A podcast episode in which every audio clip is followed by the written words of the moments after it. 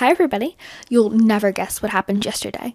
So, if you live in New England, you know about the snowstorm. Well, we got almost two feet of snow. I thought that we would have to wait to go outside until after school, because, you know, remote school, but our town was nice enough to give us a real snow day. It was awesome. I spent the whole day out in the snow with my friends. Anyways, let's make some more calls. Oh, and I'm not doing all the numbers. I decided to cut out the last two of the calls that I picked randomly. It seemed kind of overkill. Uh, let's go this first person is from Maine. Ringing, ringing, ringing. Ah, uh, hi. Oh, uh, ma'am, you're breaking up a lot. Okay, listeners, this lady was breaking up really badly. I couldn't understand a word she was saying.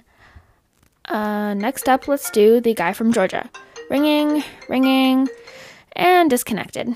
Okay, that's a no on that number.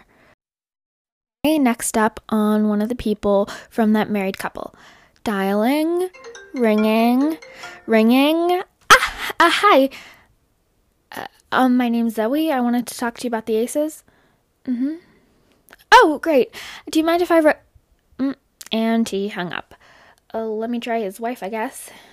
Er, dialing, ringing. Mm. It just says call declined. I guess she hung up. And one of the first random people.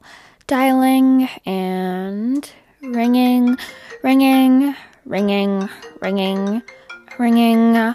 Oh, uh, hello, I'm Zoe. I'm hoping to speak to you about the aces. Awesome!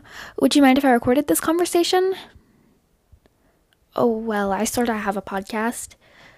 Mm-hmm. Okay, I totally understand. Uh, oh, I sort of didn't plan any questions. Mm-hmm. Mm-hmm. Uh, yes, I totally love to hear about that. Uh, oh, wow. That's interesting. I had no idea that was how the Aces started. Oh, oh, um, yes, I also wanted to ask you if you ever knew about a shack in the woods at Mount Hood. What?